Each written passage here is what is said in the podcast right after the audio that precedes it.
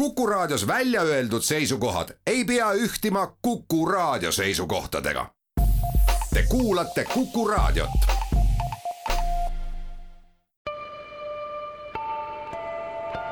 ilmaparandaja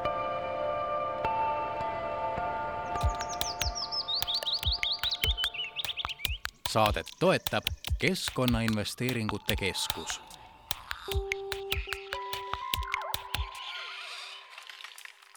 Tere, head Kuku raadio kuulajad!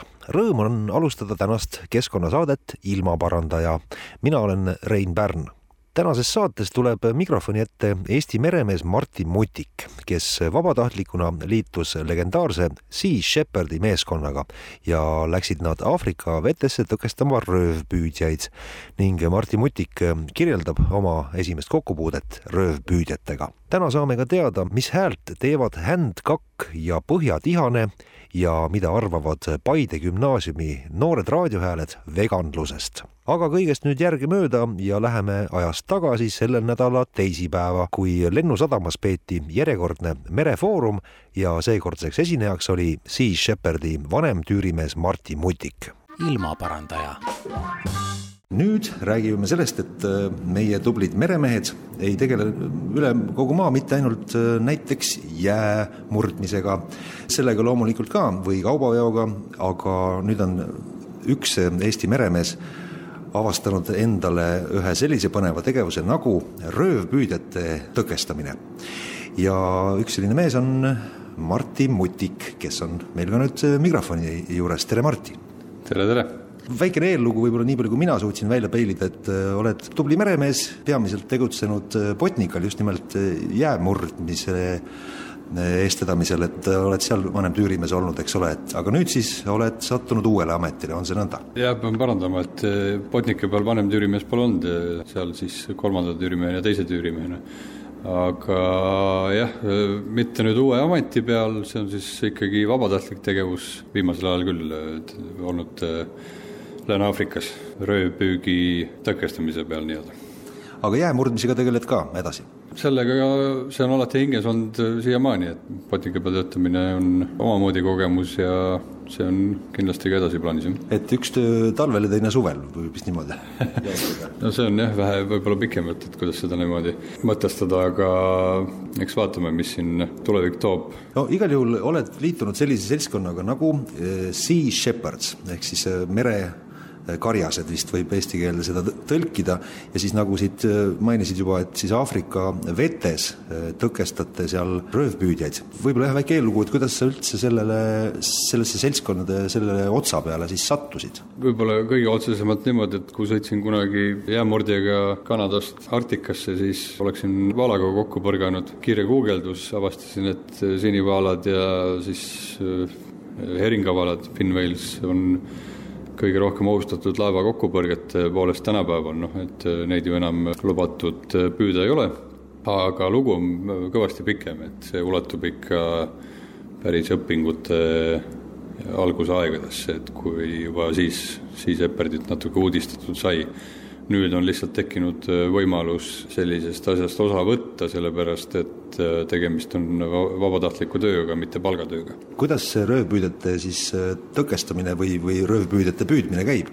noh, see on üks suurem operatsioon, et esiteks ei saa seda väga avalikult kajastada, treenimine on päris pikk, meil kestis umbes kaks kuud, kõigepealt kuu aega esimene treening, siis läksime nii-öelda action'isse, aga kohe tulemust ei saavutanud, siis tegime veel trenni natukene, siis otsustasime hoopiski inspekteerida selliseid laevu, mis ei ole illegaalsed laevad. jõudsime siis tulemuseni, et seal on muidugi palju asju veel taustal, et millist tarkvara me kasutame ja nii edasi, aga põhimõtteliselt on see pikk-pikk protsess. kuivõrd tõsine see teema seal Aafrika vetes on, et äh, röövpüüdjad tegutsevad ja kui nahaalselt nad seal tegutsevad, kuivõrd organiseeritult nad seal tegutsevad ja just nagu vihjasid, detailidesse väga minna ei saa, aga aga üldiselt kuivõrd organiseeritult omakorda siis püütakse neid tõkestada? me hetkel oleme olnud siis Namiibias, kõige suurem oht on Namiibia jaoks Angolast tulevad kalalaevad, aga selgus hoopis teine tõsiasi, et tegelikult on needsamad legaalsed laevad, kellel on püügiluba olemas Namiibiaga kooskõlas valitsuse poolt, tegelevad röövpüügiga märksa rohkem kui need vaesed Angola firmad, kellel ei ole lihtsalt raha seda litsentsi osta. püügipiirkonnad on enamus osast ikkagi välja püütud, ega seal väikese kalalaeva laevaga enam löögile ei pääsegi. seal on ikka raha vaja, suuri laevu ja, ja need laevad tulevad Hiinast. mis te siis teha saate, et suurtele firmadele niimoodi vastu astuda, kellel isegi jah, kalapüügiluba on olemas, aga ikkagi nad ületavad oma voli seal, et mis seal teie, teie võimuses seal on? nüüd konkreetselt Namiibia näiteks territorial waters on ikkagi päris suur ala ja seal piiri peal käib põhipüük ja meil on siis luba inspekteerida ükskõik millist laeva, olenemata sellest, kas tal on luba olemas, no kui kellel luba olemas ei ole, kui me nad leiame, siis niikuinii me inspekteerime, siis nad ei tohiks ju püügiga üldse tegeleda. aga need laevad, kellel on luba olemas, neid on meil äh, luba inspekteerida täpselt samamoodi. ja kui sagedasti tuleb ette seda, et inspektsiooni käigus midagi illegaalset leitakse, kas peaaegu iga kord?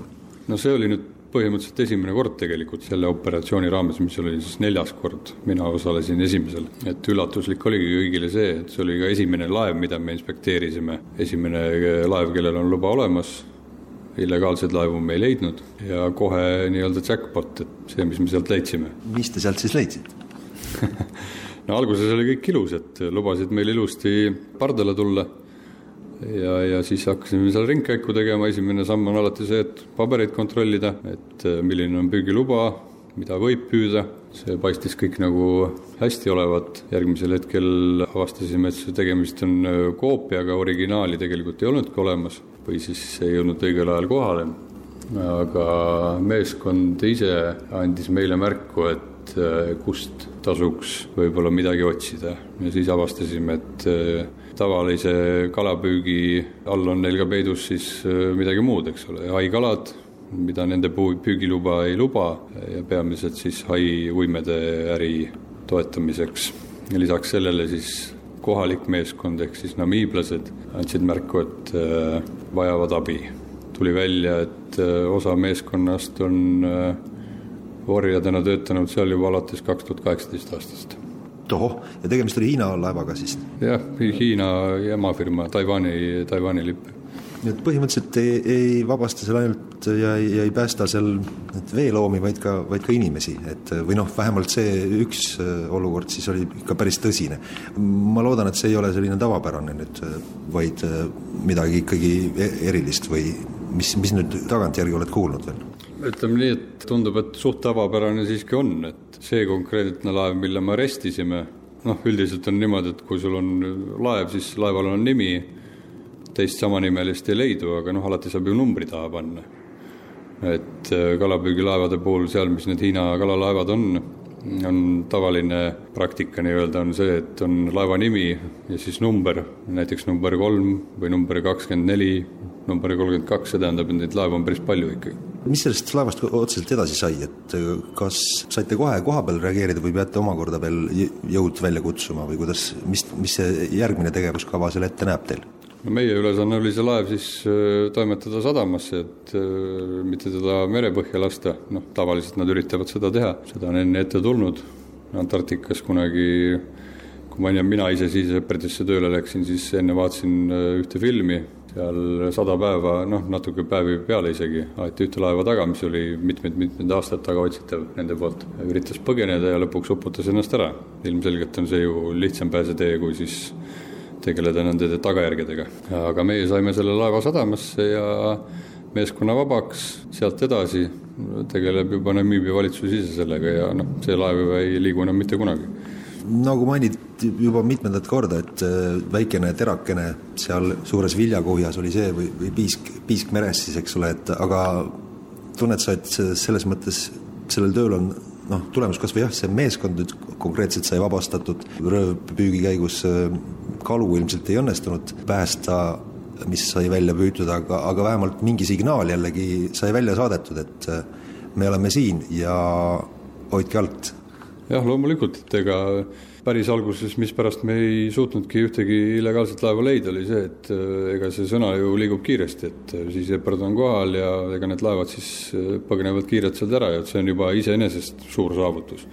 Et see laev, mille meie arrestisime, oli nüüd siis number kaheksakümmend, ilus number. noh, mitte, kokku on siis siis Epard kaheksakümmend laeva suutnud arestida. asi ei olegi nüüd, nüüd nende kalade päästmises, et noh, sealsamas me pidime selle paari päeva jooksul äh, võtma merest välja kõik need äh, võrgud, mis nad olid sinna sisse jätnud, noh, mitte võrgud, aga need äh, inglise keeles longline'id, need eestikeelset vastet ei mäletagi enam, no see selleks, et seda on päris mitu miili seal, eks ole, tavaliselt sellised teinekord jäetakse ka sinna ulpima, et siis Ebert tegeleb sellise selle poolega ka, et need vanad võrgud ja liinid kõik välja tõmmata, et ega aastas jääb ju keskeltläbi kolmsada tuhat vaala, delfiini, haid jääb lihtsalt ekslikult äh, võrkudesse kinni. ja muid elukaid veel? oi jumal jah, et äh, ega see noh, nüüd ühe laeva arrest nüüd ei too mingisugust äh, suurt, ei päästa maailma, eks ole, aga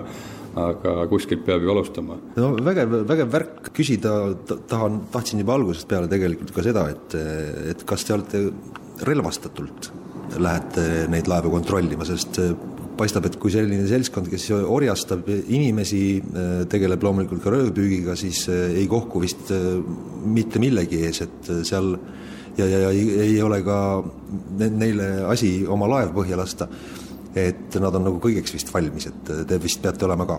loomulikult jah, relvastatult.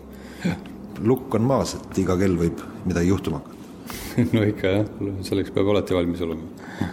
aga veel ei ole läinud? no siiamaani mitte, jah. Äh, isu nüüd tagasi minna, kui suur on, et saaks jälle seda põnevat tööd teha ja, ja riskida ja, ja samas päästa maailma ikkagi? jah, iga kell. Lihtsalt endale elukorraldus on selline, et äh, kohe hetkel võib-olla mitte, siin peaks muidugi natuke laskuma pikemasse diskussiooni, et mis Seasepardiga hetkel toimumas on, selle asutaja kapten Paul Watson on siis asutanud uue organisatsiooni, mispärast on seesama põhjus, miks ta kunagi, ta oli üks, üks Greenpeace'i asutajatest. ja mispärast ta siis äh, Greenpeace'ist äh, lahku läks ja asutas Sea Shepardi, siis nüüd on ta asutanud uue organisatsiooni, minu jaoks Sea Shepard oli algusest peale Paul Watson. ma ei ütle nüüd, et Sea Shepard on võib-olla muutunud natuke liiga lahjaks, aga Paul Watson on nii-öelda see tõeline, kuidas nad siin nüüd ilusti ütlevad, ökopairat, öko, ökopiraat, eks ole, kes äh, tema arvates on Sea Shepard muutunud natukene liiga pehmeks, teeb liiga palju koostööd riikidega, arvab, et natukene karmimalt peaks asja tegema. et temal on äh, peagi nüüd esimene laev äh, välja tulemas ja eks vaatame, kuhu siis järgmine seiklus viib. seda olen ka tahtnud algusest peale küsida, et miks te nimetate ennast äh, ökopiraatideks, kuigi võitlete ise piraatluse ja, ja röövpüüdjate vastu?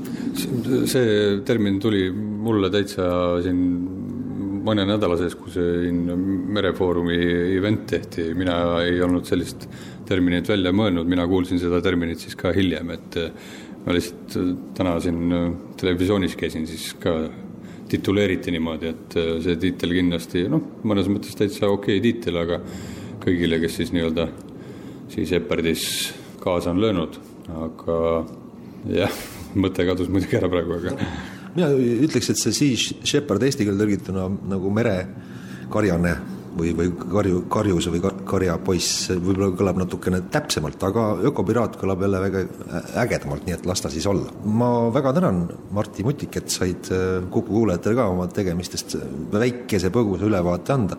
et see maailm ja see, need tegemised seal igapäevaselt ja see missioon on kindlasti palju laiem ja palju põnevam, et äh, jagad sa oma töödest äh, infot või, või saab sellele kuidagi ka veebi vahendusel kas või kuidagi kaasa elada või, või, või operatiivselt oma tegemisi siis Shepard Shepard ise kajastab? ei, kajastab väga palju, et äh, see meedia pool on hästi tugev ja peabki olema, sest see on see, mis tegelikult selle, selle asja nii-öelda püsti paneb, et äh, see liikumine tekib ja see on Shepherdil väga hästi üles ehitatud.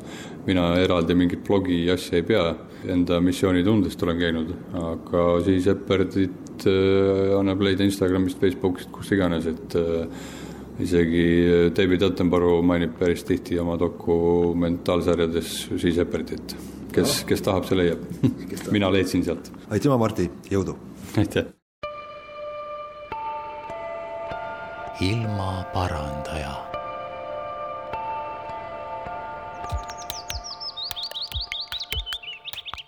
saadet toetab Keskkonnainvesteeringute Keskus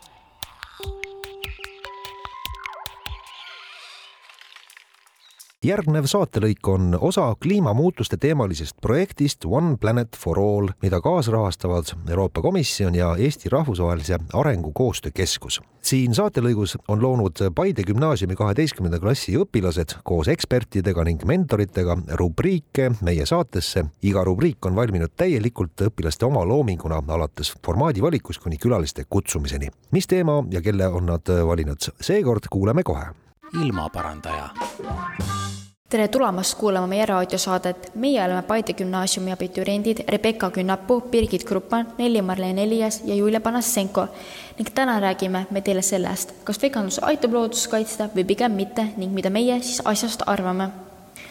alustuseks oleks sobilik rääkida sellest, mida veganlus üldse tähendab, kes on veganid ning mida veganid söövad veganlust võib teise sõnaga nimetada ka täistaimetoitluseks. lihtsalt öeldes on veganlus maailmavaade ning ka sotsiaalse õiguse liikumine. selle kohaselt ei kuulu loomad inimesele kasutamiseks. selle eesmärgiks on tagada see, et kõikidele loomadele oleks tagatud nende põhiõigused, mille hulka kuulub ka muuhulgas õigus elule veganid ei tarbi siis liha, piima ega munatooteid ning lisaks ka näiteks mett ja želatiini ning liha alla on mõeldud siis kõiki erinevaid lihasid ja lihatooted, näiteks kala, mereannid, sealiha ja linnuliha. samas ei ole veganite arvates põhimõtete vastane rinnaga toitmine, sest rinnapiim on imikutele loomulik toit ja selle saamiseks ei tapeta ega kasutata kedagi ära. Tihti arvavad inimesed, kes pole veganlusega lähemalt kokku puutunud või lihtsalt pole sellega eriti kursis, et veganluse põhimõtted kehtivad ainult toidu kohta. tegelikult see ei ole nii veganid ei kasuta ka tooteid, mis sisaldavad midagi loomset või, või on pärit loomadelt. näiteks võib tuua nahast ja karusnahast riided või aksessuaarid. samuti ei kasuta nad tooteid, mis sisaldavad mesilasvaha. lisaks kõigele eelmainitule ei soeta veganid tooteid, mis on katsetatud loomade peal või sisaldavad midagi loomset sellised tooted on tavaliselt näiteks kosmeetikatooted. viimasena võib välja tuua selle, et enamasti ei poolda veganid ka meelelahutusviise, mis kasutavad mingil moel ära loomi, näiteks siis tsirkused ja loomaaiad tihti arvatakse ekslikult, et veganid söövad väga ükstuiselt ja neil on söömiseks väga vähe valikuid. tegelikult kuuluvad veganite toidul alla näiteks järgmised toiduained. köögiviljad, siis tomatid, kurgid, porgandid, sibulad, kartulid, lillkapsas ja nii edasi. puuviljad, banaanid, õunad, ploomid, pirnid, apelsin pähklid ja mandlid, pistaatsiapähklid, India pähklid, Kreeka pähklid, sarapuupähklid, erinevad seemned, mooniseemned, päevalilleseemned, kõrvitsaseemned, marjad, vaarikad, maasikad, mustikad, tikrid, seened, siis puravikud, kukeseened, kaunviljad, läätsetoad ja herned, teraviljad ja teraviljatooted, siis leib, tatar ja riis järgmiseks me räägime sellest, kuidas meie arvates aitaks veganlus keskkonda päästa ning kuidas on loomakasvatus keskkonnale kahjulik. ühesõnaga sellest, mis räägib siis veganluse kasuks. internetist võib iga inimene lugeda seda, et ÜRO andmetel äh, põhjustab kliima soojenemist kõige rohkem just loomakasvatus selle kaudu, et atmosfääri paiskub süsihappegaasi, metaani ja lämmastikoksiidi keskkonda paiskub loomakasvatusest metaani loomade seedetegevuse tulemusena. loomade kasvatamine mõjub keskkonnale halvasti veel ka sellepärast, et selle käigus toodetakse tohututes kogustes kasvuhoonegaase. loomakasvatuses toodetakse lausa umbes kolmteist koma viis kuni kaheksateist koma kolm protsenti kogu inimtekkelisest kasvuhoonegaasist. minu arvates on siinkohal võrdluseks huvitav välja tuua see, et lennukid, autod ja muud kõik transpordivahendid toodavad kokku umbes kolmteist koma üks protsenti inimtegevuse poolt tekitatud kasvuhoonegaasidest. sellest saate teha omad järeldused. kogu selle tegevuse nimel raiutakse igal aastal maha meeletutes kogustes vihmametsa. vihmametsi raiutakse maha meie arvates ilmselgelt liiga suurtes kogustes kuigi teatakse, et vihmametsad on meile kõigile, kes maal elavad, väga olulised, kuna seal metsades toodetakse lausa üle kahekümne protsendi meile vajalikust hapnikust ning lisaks sellele eemaldavad vihmametsad ka atmosfäärist miljoneid tonne meie jaoks ohtlikku CO2. täpsemalt öeldes siis ladustatakse see maapinda. lisaks kõigele eelmainitud põhjustele, miks on vihmametsade raiumine vastuoluline, võib välja tuua ka selle, et vihmametsad on koduks umbes pooltele planeet Maa looma- ja taimeliikidele ja kahjuks on mitmed neist juba praeguseks hetkeks ohus. lisaks on loomakasvatus ka üks peamisi põhjusi, miks raiutakse maha mitmeid hektareid tavalist metsa, mitte ainult vihmametsa. koguni kolmkümmend protsenti tervest maapinnast on kasutusel loomade kasvatamiseks, olgu see siis kas karjamaa eesmärgil või neile toidu kasvatamise eesmärgil meie arvates on väga jube mõelda, milline ressursside raiskamine see kõik on ning kuidas paljud inimesed sellest endiselt aru ei saa. no üks negatiivne tegur on ka see, et intensiivpõllumajandus kehvendab mulda, kuna see vähendab selles orgaaniliste ainete ning ka toiduainete hulka. ja see omakorda tähendab seda, et pidevalt püsib vajadus uute ja värskete põllumaade järgi lisaks kõigele sellele, kuidas loomakasvatus kasvuhoonegaaside õhku paiskamise ja metsade raiumisega keskkonda negatiivselt mõjutab või täpsemalt öeldes isegi kahjustab, sooviksime me välja tuua ka selle, et loomakasvatusest tekitavad reostust ka loomade väljaheited.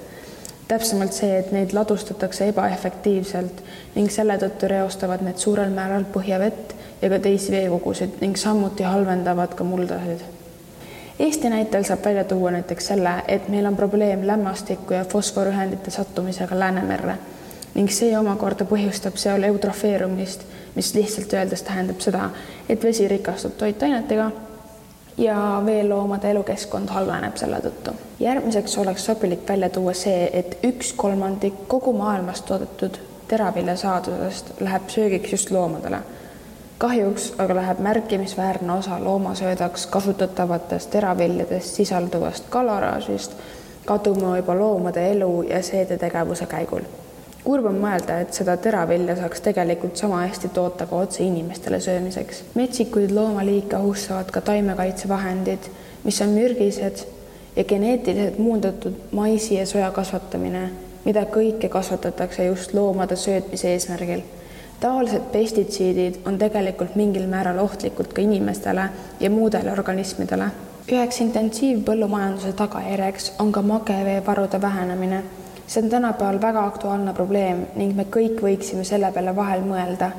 põllumajanduse osakaal vee tarbimises on lausa üheksakümmend kolm protsenti ja suurt osa sellest kasutatakse just loomadele sööda tootmiseks ning umbes viiskümmend viis protsenti mageveest antakse põllumajandusloomadele joomiseks. huvitava faktina saab välja tuua selle, et ühe kilogrammi loomaliha tootmiseks läheb vaja umbes viis tuhat kuni kakskümmend tuhat liitrit vett, samas kui ühe kilogrammi nisu tootmiseks läheb vaja viissada kuni neli tuhat liitrit järgmiseks murekohaks on see, et ülekalastamine põhjustab seda, et maailmameri on jätkuvalt järjest kehvemas seisus, kuna inimeste nõudlus on kala järgi suur. siis tekib selle tagajärjel ülepüük on isegi ennustatud, et kui inimkond samamoodi tarbimist jätkab, siis võib söögikõlbulike kalade varu olla otsas juba lausa kahe tuhande viiekümnendaks aastaks. tuleb püüda mõista seda, et meie loodusvarad ei ole kohe kindlasti mitte lõputud ning enamike puhul pole enam isegi küsimus selles, kas need saavad ühel hetkel otsa, vaid pigem juba selles, millal need otsa saavad. üldiselt võib väita, et inimeste toitmine loomse toiduga, nagu näiteks kala, liha, muna ja muud saadused, on tohutult ebatõhus. selle tegevusega raisatakse ära väga suurtes kogustes looduslikke ressursse ja reostatakse ka loodust. on selge, et loomade söötmiseks ja ülalpidamiseks kulub rohkem vett, maad ja ka väetisi kui taimsete toiduainete kasvatamiseks siiski on loomse toidu tarbimine loomulikult õigustatud kohtades, kus on taimse toidu kasvatamine raskendatud või isegi võimatu. sellised kohad on näiteks polaaralad, kõrbed ja mäestikud. lisaks on see pigem õigustatud sellistel aladel, kus loomad tarbivad taimi, mida inimene nagunii tarbida ei saaks. loomade kasvatamisega seotud reostusele lisaks tekitavad reostust juurde ka karusnahatööstused, kuigi paljud inimesed kipuvad arvama, et karusnahk on kuidagi kunstnahast ökoloogilisem ning seetõttu ka parem, siis kahjuks nii otseselt väita ei saa. tohutu loomade kasvatamine ja hilisemas järgus ka karusnaha töötlemine avaldavad keskkonnale negatiivset mõju. lisaks sellele, et naha saamiseks kasvatatavad loomad reostavad oma väljaheidetega pinnast, siis veel reostavad pinnast ka hiljem peale nülimist alles jäänud loomade laibad karusnahka ja nahka töödeldakse loomulikult ka mürgiste kemikaalidega, mis võivad probleeme põhjustada nii keskkonnale kui ka inimestele, kes karusnahatööstustes töötavad.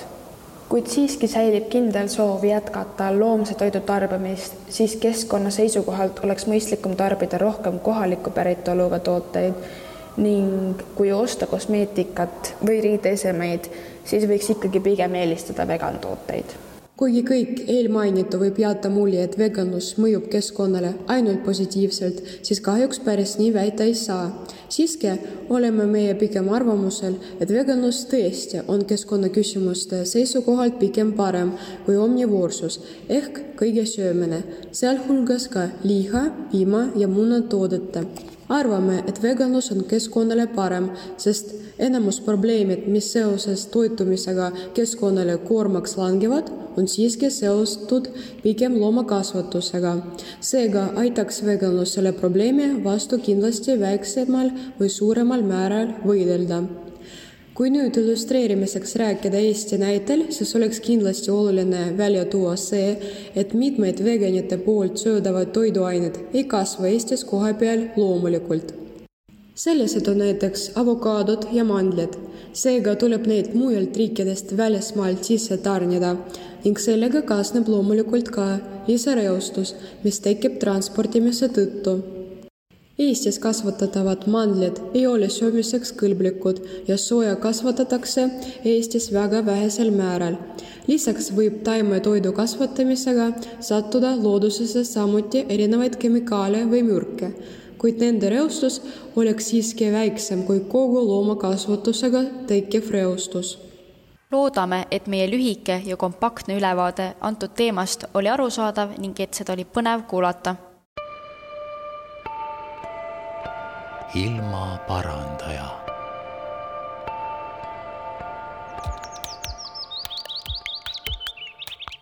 saadet toetab Keskkonnainvesteeringute Keskus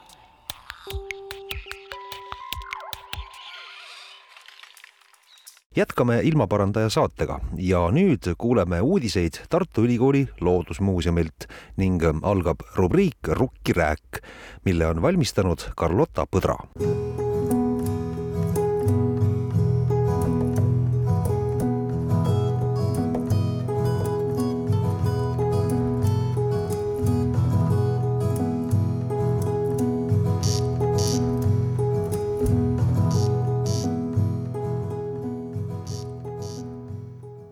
tere, tere, head kuulajad, algamas on Rukkirääk. eelmises saates küsis Urmas Tartes meie käest, et milline putukas ronis viimse reliikvia ühes stseenis üle raamatu ja vastus on üks putukas, kes kuulub ujurite perekonda sel korral me räägime Loodusmuuseumist, aga ühe olulise ameti vaatevinklist. nimelt me teame, et muuseumit iseloomustab püsinäitus, eksponaadid, loodushariduslikud sündmused, õppeprogrammid, teadus, harrastusteadus ja palju muud, aga selle taga on ikkagi inimene. ja täna on mul väga hea meel siin stuudios rääkida meie Tartu Ülikooli Loodusmuuseumi giididega. tere tulemast saatesse, Liis ja Maria. tere. tere. Teie olete ju muuseumi esindajad teie suhtlete külastajatega, teie loote neile selle elamuse, kogemuse ja hea emotsiooni. võikski rääkida, et mis on üldsegi giidi roll muuseumis ja milline näeb välja teie töö? mina ütleks, et giid on muuseumi inimkujuline nägu ja hääl. et Loodusmuuseumil on palju ülesandeid, nagu kõikidel muuseumitel, ning giid esindab just muuseumi seda tahku, mis on külastaja poole pööratud ehk siis giid on muuseumis peituvate kõikide nende tarkuste, teadmiste, saladuste ja ajaloo nagu lahtiseletaja. et ta tõlgib siis eksponaadid inimkeelde külastajate jaoks ja toob muidu siis üleelusuurses ja peaaegu hoomamatult mitmekülgse muuseumi inimese tasandile. giid muudab siis äh, muuseumi külastajale kodusemaks ja ta peab panema siis külastajad ennast tundma täiesti teretulnuna seal, sest muuseum ise võib muidu äkki tunduda liiga keeruline või liiga teaduslik, äh, liiga suur. Ja selle juurde käib siis loomulikult ka kõikvõimalikele küsimustele vastamine ja igakülgne abistamine ja lisaks muidugi sellele igapäevasele saalitööle, siis meie giididena viime läbi ka muuseumi lähemalt tutvustavaid giidituure ja ka hariduslikke programme, et näiteks äh, nooremale kooliastmele me õpetame eksootilisi lemmikloomi, räägime nende pidamisest või siis tutvustame Eesti loomi või näiteks ka Läänemere elu, neid programme on väga palju erinevaid, me korraldame kui on soovi, siis ka näiteks sünnipäevaprogramme või mingit väikest aarete jahti ja näiteks koostöös Vanemuise teatriga pööripäevade aegu, siis korraldame lastele looduses toimuvaid muutusi tutvustava programmi ja lapsed saavad seal ise siis etendust teha. millist lugu jutustab muuseum teie arvates? Ma vastaks sellele küsimusele äkki külastaja vaatenurgast või loodetavasti külastaja vaatenurgast, et meie muuseumisse jõudes on esimese asjana näha universumi, planeetide ja eluteket kujutav animatsioon. Ja võibki öelda, et siis, kui külastaja liigub sealt edasi, siis näitusesaalide kaudu saab tema jaoks nähtavaks lugu, mis liigub elutekkest edasi, käib läbi geoloogiaradadest, kasvab läbi evolutsiooni üle miljonite, miljonite aastate, alustab siis amööbidest, läheb läbi kõikide eluslooduse rühmade ja jõuab tänapäeva inimeseni, inimeste tegudeni välja. ehk siis see lugu läheb kronoloogiliselt läbi aja kui ka geograafiliselt läbi ruumi et see on küll võib-olla veidikene niisugune abstraktne kokkuvõte sellest. see on see viis, kuidas ma ise mõtlen seda võib-olla ekskursiooni tegemist, et oleks nagu loogiline ja ruumis ja ajast läbi, aga kui võtta seda kogu mõtte kokku, võiks siis öelda, et äh, meie lugu on justkui looduse lugu kui me juba mainisime siin loodusharidust, õppeprogramme, siis lähme natukese süvitsi teemasse. miks teie arvates on oluline Loodusmuuseumi olemasolu ja miks on loodusharidus üldsegi oluline, miks me peame seda pakkuma? selge see, et loodus on väga tähtis, aga me peame justkui õppima seda tundma ning armastama ja saada aru, et miks seda on vaja näiteks kaitsta, miks seda on vaja hoida, kuidas seda saab teha. ehk siis noh, raske ette kujutada, et me tahame midagi kaitsta, mis on meie tundmatu asi ja siis, kui me just teame, et milline asi see on, millest see koosneb, kes keda mõjutab, mis mida mõjutab, siis on just see kergem ette kujutada ja siis ütleks, et loodusharidus on väga tähtis osa ühiskonnaelust. jah, et raske on armastada midagi, mida sa ei tunne, kõik saab alguse sellest, et sa tead ja tunned midagi ja tundmuse kaudu sa ka tunned midagi selle asja suhtes ja otse loomulikult inimene on ju täiesti eraldamatu osa loodusest, kuigi meile mõnikord meeldib mõelda teistmoodi ja Loodusmuuseum siis tuletabki inimestele meelde seda, et ka meie oleme osa loodusest ja ilma looduseta ei oleks ka meid. Ma arvan, et muuseumis töötades ja giiditööd tehes, ehk siis teistele inimestele loodusest rääkides, ei, kindlasti ei saa üle ega ümber sellest, kuidas loodus kedagi on isiklikult puudutanud.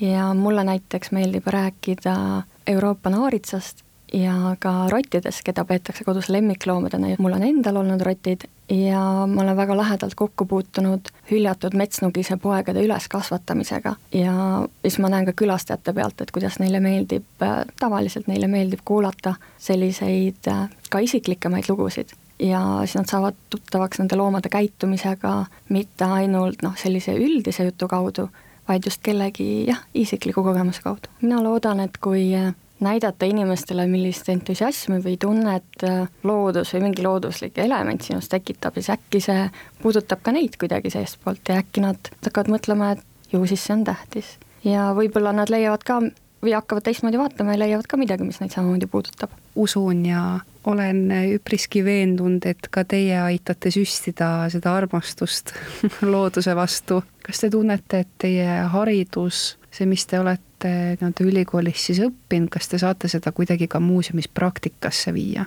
absoluutselt, mina olen küll pigem botaanika pool ja meil muuseumis see taimede osa on noh, väike, taimede osa on jäetud eelkõige siis botaanikaaiale, aga kuna ma olen õppinud ka nosoloogilisi aineid, entomoloogilisi aineid, siis jaa, absoluutselt täiesti kuluvad ära. ma olen täielikult nõus, et äh, sõltub vastavalt sellele, mida ma olen õppinud, mul kujuneb mingid lemmikkohta muuseumid, et näiteks mulle väga meeldib see geoloogia seal, kuigi geograafia ei ole geoloogia, aga ikkagi sellega sarnane. ja siis ka see dioraamide saal ja elumustrite saal, ehk siis see, see hoomab seda mitmekesisust ja loodust kui selline süsteemi ja see mulle väga meeldib ja ma olen mitmel korral kasutanud enda õppematerjali või seda, mis ma olen õppinud ka ekskursioonide käigul või näiteks programmide käigul. võib-olla siit lähmegi sujuvalt üle, et milliseid küsimusi üldse näiteks külastajad küsivad? küsitakse nippe, et millest tuleb alustada ja siis vähemalt minu vastus on alati see, et millest millest te huvi tunnete.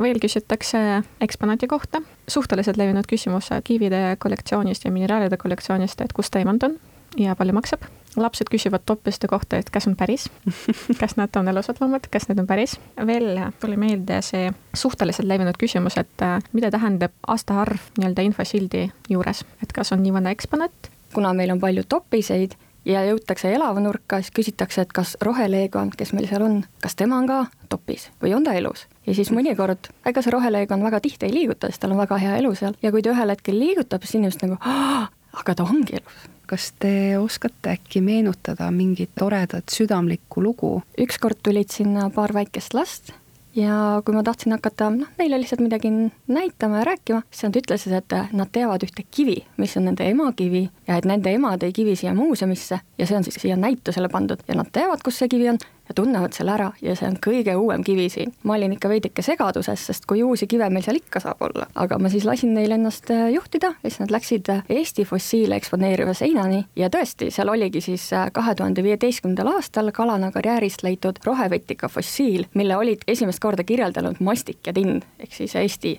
geoloogid või paleontoloogid paar korda või vähemalt ühe korra juhtus selline asi, et äh, hakkasime juttu rääkima külastajatega ja siis, et selgub, et kust nad pärit on, siis nad ka jutustavad ja ma omakorda saan midagi uut teada, et siis näiteks nad ütlevad, et meie kodukandis on sellised kivid või sellised kivid, kui tagasi kivide poole minna.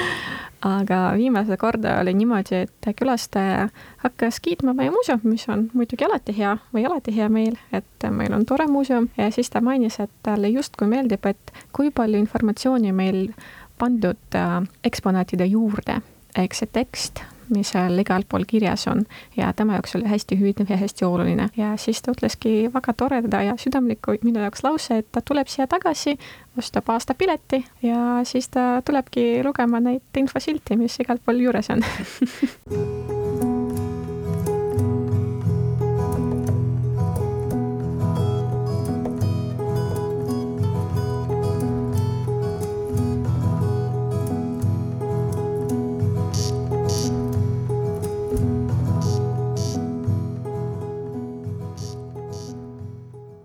tänast ilmaparandaja saadet jääb lõpetama Veljo Runneli koostatud rubriik Kõrv loodusesse, kus ka seekord kuuleme tema kogutud hääli loomariigist ning tänased Kõrv loodusesse rubriigi peategelased on Händ Kakk ja Põhjatihane. head kuulamist. kõrv loodusesse. Eestimaa on metsade ja soode maa see on kujund, mida sageli kasutatakse ja mis on ilmselt paljudele ka meelde sööbinud. meie põllud ja heinamaad on rajatud kuivendatud soodele või raadatud metsadele ja kui inimene mingil põhjusel siin enam ei tegutseks, siis sadade või tuhandete aastatega võtavad metsad ja sood uuesti võimust. nii et mets on meie maast lahutamatu, kas me seda tahame või mitte sellest, mis on mets ja kuidas seda peaks majandama, on räägitud ja kirjutatud väga palju viimasel ajal. ma ütleks, et viimastel aastatel või isegi aastakümne jooksul. laias laastus jaguneb see kaheks vaatevinkliks. üks on see, et mets on mõeldud ainult inimesele ja teine, et mets on kõikidele liikidele kui räägitakse inimesele mõeldud metsast, siis taandub enamasti metsa olemus puidule sellele puidule, mis metsast saadakse, vähemal määral ka marjadele või seentele või mõnikord ka puhkeväärtusele laiemalt, mida siis mets samuti inimesele pakub. sellist metsa saab mõõta kas sealt saadud puidu või marjade hulgaga, sinna rajatud matkaradade või autoteede pikkusega kilomeetrites ja sellist metsa hakatakse ka kirjeldama inimesekesksete sõnadega, kas mets on hooldatud või hooldamata, kas mets on terve või haige. metsas surnud puud on sellise lähenemise korral kas häbiplekk või raisku laistud varandus.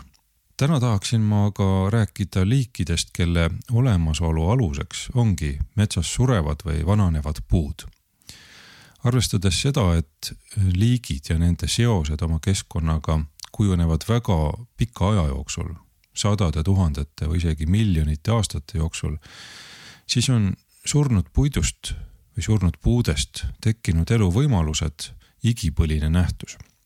Eesti metsades on hulganisti liike, kes surnud või vanast puidust otseselt kasu ei saa, aga saavad seda kaudselt läbi teiste liikide, näiteks neid süües aga on terve rida liike, kelle hakkamasaamine ja ellujäämine sõltub otseselt selliste puude olemasolust. ja lindude hulgas on päris mitmeid toredaid näiteid. üks selline liik on händkakk. kakkudega on nõnda, et neid nähakse ju harva, kuna nad on enamasti öise eluviisiga või siis tegutsevad õhtul või hommikuhämaruses ja nende lendamine on nii vaikne ja märkamatu, et võivad meist paari meetri läheduses äh, selja tagant mööda lennata ja me ei märkagi neid. kui neid aga looduses näha, siis on see alati tore elamus ja kakkudest saavad üsna kindlasti loodusesõbra lemmikud. händkakk on päris suur lind, aga oma pesa teeb ta enamasti murdunud puutüükale. Võib mõnikord ka teha suuremasse õõnsusesse puu küljel, mis on siis tekkinud okste kasvamisest või murdumisest ja mõnikord ka ehitab pesa teiste liikide hüljatud suurtesse pesadesse. piisavalt jäme murdunud puu, mis on määratud surema, saab siis koduks sellele uhkele öise eluviisiga linnule. ja sageli on ka tõenäoliselt selline puu juba enne murdumist oma elujõu kaotanud siin on händkaku paari hääled öises metsas.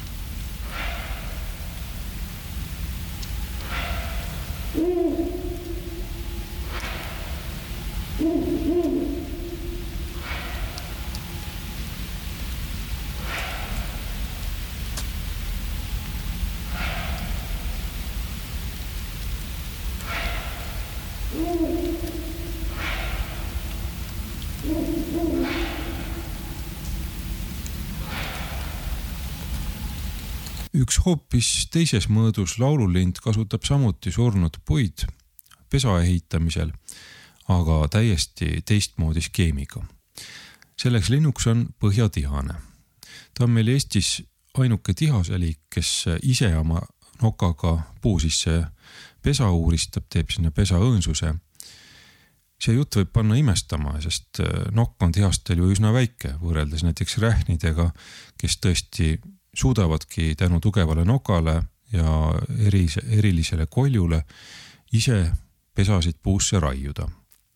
kuid põhjatihane on nupukam ja ei lähe lihtsalt toore jõuga peale, vaid võtab kasutusele sellised jalal surnud puud, mis on juba nii pehkinud, et saab ka oma väikese nokaga sinna augu sisse teha kui armastate metsas ringi kolada, siis olete kindlasti selliseid puid ka ise kohanud. Need äh, kukuvad ümber, kui neid käega lükata ja augu võib neisse ka oma sõrmega sisse vajutada.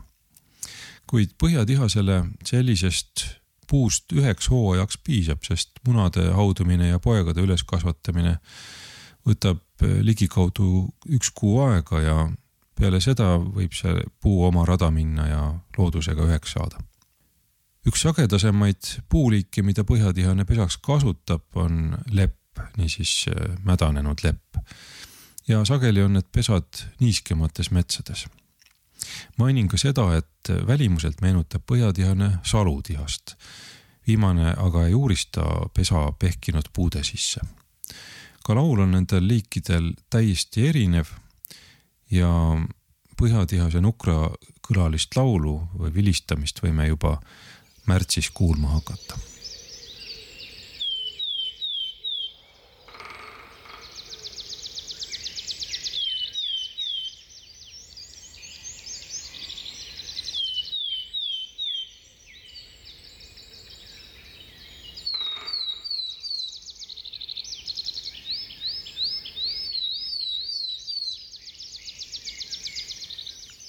kolmandast surnud puudest sõltuvast linnust jõuan veel rääkida.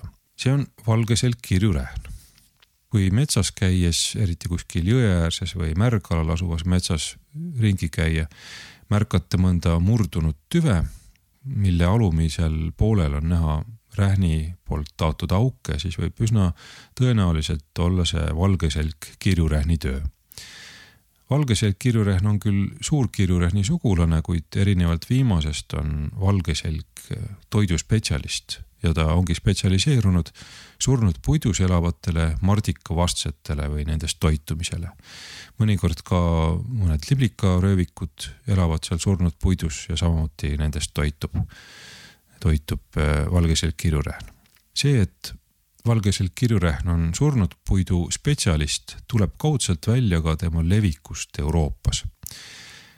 Kesk- ja Lääne-Euroopas on valgeselg kirjurähn väga haruldane, kuna seal ei ole enam metsasid, kus surnud puitu piisavalt leidub ja enamasti näeme seal siis kontrollitud tingimustes kasvavaid majandusmetsasid, kus, kuhu ei jäeta surnud puitu ja see välja viiakse või või lihtsalt tehakse raiet enne, kui surnud puit jõuab üldse tekkida.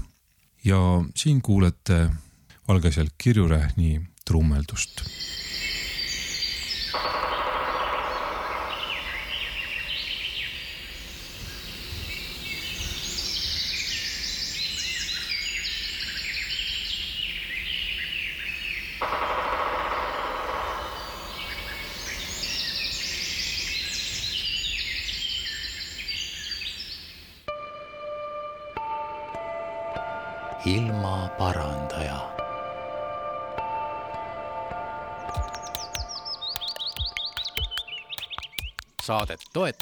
Keskkonnainvesteeringute Keskus